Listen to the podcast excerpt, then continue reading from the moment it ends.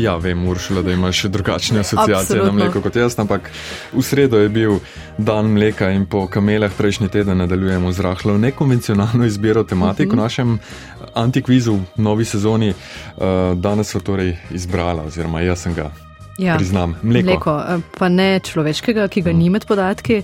Um, ampak ja, 65 odstotkov vsega zaužitega mleka na svetu, uh, govorimo seveda o človeški konzumpciji, je kozjega mleka, kar je zelo zanimiv podatek, mm. uh, nenavaden ampak ne dovolj, da bi se uvrstil v veliki finale. Nikakor ne, preveč običajen. Uh mhm. -huh. Pet drugih imamo v mleku, med njimi morate seveda izbrati tistega, ki ne drži. Nič 1, 4, 7, 5, 2, 202, tole so torej podatki o mleku. Listen very carefully, I shall say this only once podatek številka ena. Ena najbolj bizarnih smrti v bolnišnicah eh, na svetu se je zgodila v Braziliji. Medicinska sestra je po pomoti pacijentki na mesto infuzije priklopila kavo z mlekom. Drugi podatek. Človeka, ki sta odgovorna za datum roka uporabnosti na embalaži za mleko, sta bila Al Capone in njegov brat Ralph.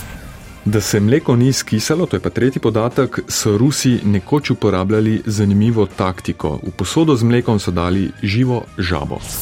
Četrti podatek. Od vseh izginulih otrok v ZDA, katerih slike so v vse državni akciji množično objavljali na mlečni embalaži, so jih našli le dober odstotek.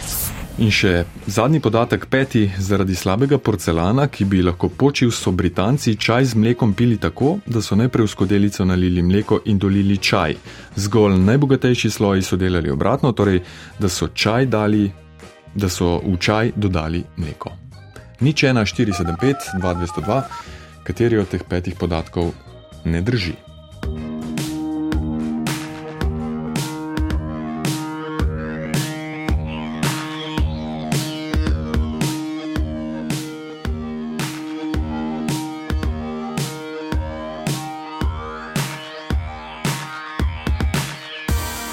Nič 1, 4, 7, 5, 2, 202, torej imamo pet podatkov o mleku, posredno o mleku. Um, infuzija s kavo in mlekom, uh, rok embalaže, ki ste ga na prvič uh, dala na mleko brata Capone oziroma Capone, uh, žaba v mleku, da se ni skisalo v Rusiji, uh, mleko oziroma podobe izginulih otrok na embalaži v ZDA, um, slabo. Eh, uspešne in uh, porcelan, ki na nek način, oziroma mleko in čaj, ki na nek način nakazuje status, uh, v katerem si bil, predvsem v preteklosti, pa verjetno danes tudi še nekoliko. Ksenija pa prva, ki je poklicala, dobro jutro, dobro dan, Ksenija. Dobro jutro, Ksenija z Maribora po telefonu. Dobro jutro. Pozdravljeni. Kako kak se imate v tem letu? Fantastično. No, super. Sedita se nama mleko in med. Ja, uf, super. Vi? Pa ja, še kar grejo. Zaenkrat se še da ne. o, ja, se da. Zdaj samo še ugotovite napačen Tako. podatek in uh, bo leto se čudovito začelo. Meni se zdi, da bo lahko žaba zmagala. Žaba. Ne vem, če je žaba v mleku zmagala. ja. Ne, podatek drži. Zgodovina Aha. hladilnika sega tja, ne vem, v sredino 19. stoletja, ko so v Franciji in Veliki Britaniji začeli izdelovati prve hladilne naprave, ki niso delovale na podlagi shranjenega ledu. Uh -huh. In vsaj do takrat je bilo dolgoročno shranjevanje živil, živil kar izziv. Predstavljati si, da nimamo poletni dan, ko bi radi shranili mleko. Uh -huh. ja. E, rešitev so včasih seveda kar nekaj poznali, ne? izdelali so kislo mleko, jogurt ali pa sir. To ni rešitev, da je posledica. To, to posledica ja, Pri ohranjanju mleka pa je seveda pomagala tudi pasterizacija. So pa poznali tudi druge manj konvencionalne načine. In to smo in zdaj pri odgovoru. Da nimo v mnogih podeželskih delih Rusije, pa bojda tudi že prej v antiki, so mleko ohranjali sveže tako, da so van vrgli mm. živo žabo. In ko je mhm. žaba, žaba plavala v mleku, ga je mešala in tako dlje časa ohranjala svežega. Še več, na začetku tisočletja so potem na eni od moskovskih univerz naredili o tem raziskavo in ugotovili, da določene vrste žab prek kože izločajo. Preko 70 uh, snovi, med njimi več takih, ki zavirajo razmnoževanje bakterij in gljiv. Uh mhm. Tako, rezultate so potem pa objavili tudi v Journal of Proteome Research. Um, ja, mislim, da je celo. No. ruska rjava žaba. Mislim, O. da je O, zanimivo. V mleku. uh, mlečna Ja. pasma Ba. žabe. Ogabno. Senja, lep dan Enako. in Srečno. hvala za klic, seveda. Uh, Zoran, Dobro jutro. Dobro Dobro jutro. Uh, ne vem, prvo smisel, prvi dogovor, samo glede na to, koliko je bizaren, pa da je sploh kriza, uh, bom reče zadnjega. Aha, a slab porcelan, da so najprej nalili mleko in šele na to čaj, tisti, ki so imeli slabši porcelan. Ja, Ja. čaj z mlekom ni sicer angliška iznajdba, pijejo ga na mnogih koncih sveta, ga pa po večini povezujemo mi prav z otokom. Ne? In prav tam so začele nastajati cele študije, kako se čaj z mlekom pripravi. Ali najprej nalijete mleko in čaj nalijete uh, čez, ali čaju dodate mleko. Obstaja cela vrsta razlogov in razlag, tudi znanstvenih, mimo grede, o tem, zakaj je en postopek boljši od drugega. Od boljše razgradnje proteinov do posebnosti v okusu, do ne vem česa vse. Ne? Mhm. Ja, tudi v antikvizu smo že omenjali, da se je s tem ukvarjal celo George Orwell. Ja, no, no. Ampak obstaja pa tudi čisto praktičen in pa resničen eh, zgodovinski razlog in sicer postopek priprave je bil odvisen in je hkrati opredeljeval vaš družbeni položaj. Kako? Mm, Neverjetno. Višji sloji so najprej nalili čaj in van potem dolili mleko, uh -huh. nižji, uh, v klepaju revnejši, so pa najprej nalili malo mleka in potem van dolili čaj. Razlog za to je pa pred, precej bizaren. Uh, zgolj najbogatejši so si lahko privoščili porcelan dovolj dobre kakovosti, uh -huh. da zaradi vrele vode ni prehitro počil. Mhm, In potem tisti revnejši sloji so pa med tem najprej nalili hladnejše mleko in potem dodali tisti vroč čaj. Da... Da je bila manjša temperaturna Ja. razlika. Ja. In če vas denimo zanima, ne, um, Zoran, britanska kraljeva družina ima svoj način uh, priprave čaja. K kaj pravite, kako ga pripravijo Kaj čaj z mlekom? Mislim, da oni sami ne dajo nič. da Dober odgovor. Pa nekdo še prej poskusi, ne, da ni zastrupljeno. Verjetno, ja. Ja, ampak eh, so dobra ponazoritev tega, kar smo rekli. ne. Ja. Uh, nalijejo čaj v skodelico, porcelanasto, verjetno Absolutno. visoke kakovosti, in potem dolijo še Kapljico. nekaj kapljic mleka. Zoran, hvala za klic, pa lep konec tedna. srečno. Srečno. Uh, Tatjana, Ja, dobro jutro. Dobro, Dobro jutro. jutro. Jaz pa mislim, da ta prvi odgovor uh, a je tak, da je ta prav. No. Ja, Ampak iščemo napačnega. no sej, da je napačen. No. ja, Torej, tak, ki ga je hotel Zoran. tak, tako bizaren, Ja. ne? Ja. Da ti uršla.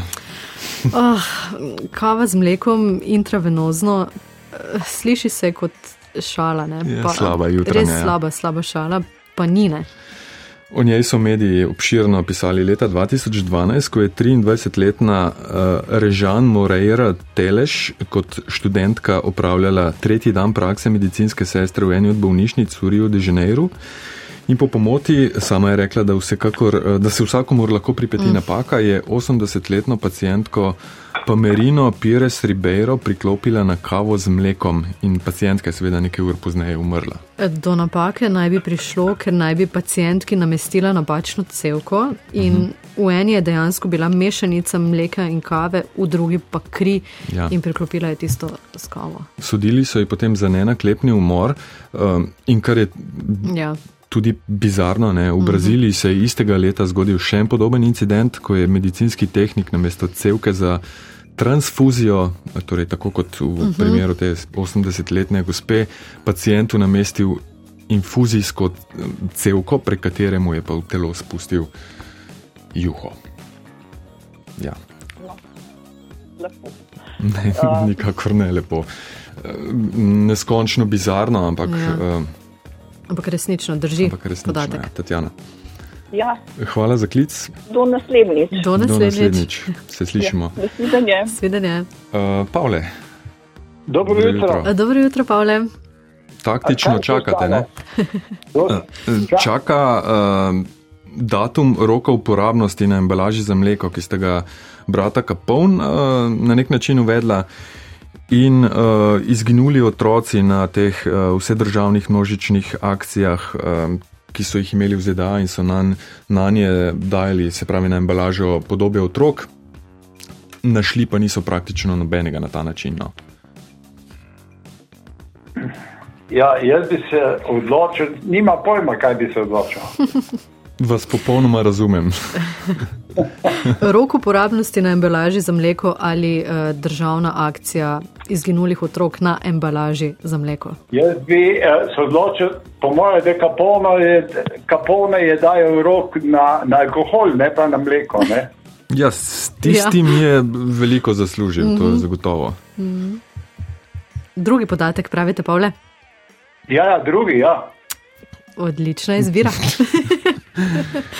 ja, zanimivo je, da je družina Kapon seveda se največ ukvarjala s tem, kar ste omenili. Ne? V mhm. času prohibicije je ogromno zaslužila z alkoholom. Eh, preprodajo, eh, je pa v 30 letih dejansko bila pomemben igralec na trgu mlečnih izdelkov ZDA. Mhm. In urbani mit pravi, da se je ali brat Ralf ali celo sam Al eh, zauzel za to, da bi na mlečnih izdelkih oziroma na njihovi embalaži moral biti odtisnjen tudi datum uporabnosti in razlog naj bi bil.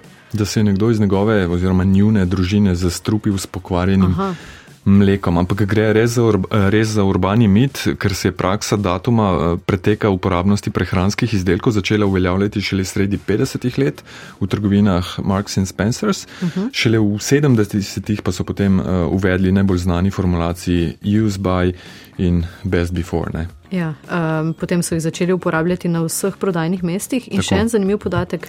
Ja, umrl je uh, Al Capone, oziroma Al Capone, uh -huh. uh, 25. januarja 1947, uh -huh. um, v Ječi pa preživel leta 1932 do, mislim, 1939. Uh -huh. In uh, v zaporu sem prepričan, da je imel druge skrbi od, uh, kot datum. Kot drugi datum, ne? Izpusta. Ja, čestitke, Pavle. Ne? Ja, najlepša hvala. Lepo Čestitke. taktično ste počakali, ampak eh, vseeno.